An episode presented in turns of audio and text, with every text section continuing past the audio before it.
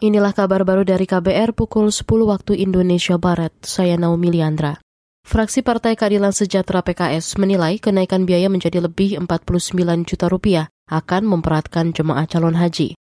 Anggota fraksi PKS DPR Mardani Alisera menduga akan banyak jemaah yang berpotensi gagal menunaikan ibadah haji.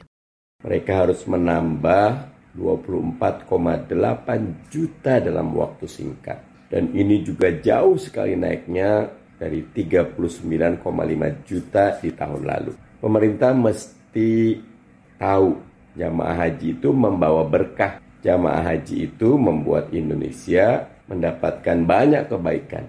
Karena itu, tolak ongkos naik haji 49,8 juta. Itu tadi anggota fraksi PKS di DPR Mardani Alisera. Sebelumnya, Komisi Agama DPR dan Kementerian Agama menyepakati besaran rata-rata biaya perjalanan ibadah haji sebesar 49,8 juta rupiah. Besaran biaya itu lebih rendah dari usulan Kemenak yang hampir 70 juta rupiah. Biaya yang dibayar jemaah itu meliputi biaya penerbangan dan biaya hidup.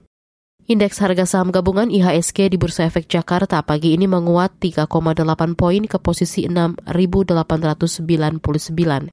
Peguatan indeks saham juga diikuti kelompok 45 saham unggulan atau indeks LQ45 yang naik 0,20 poin ke posisi 953. Sementara nilai tukar rupiah kembali melemah terhadap dolar Amerika.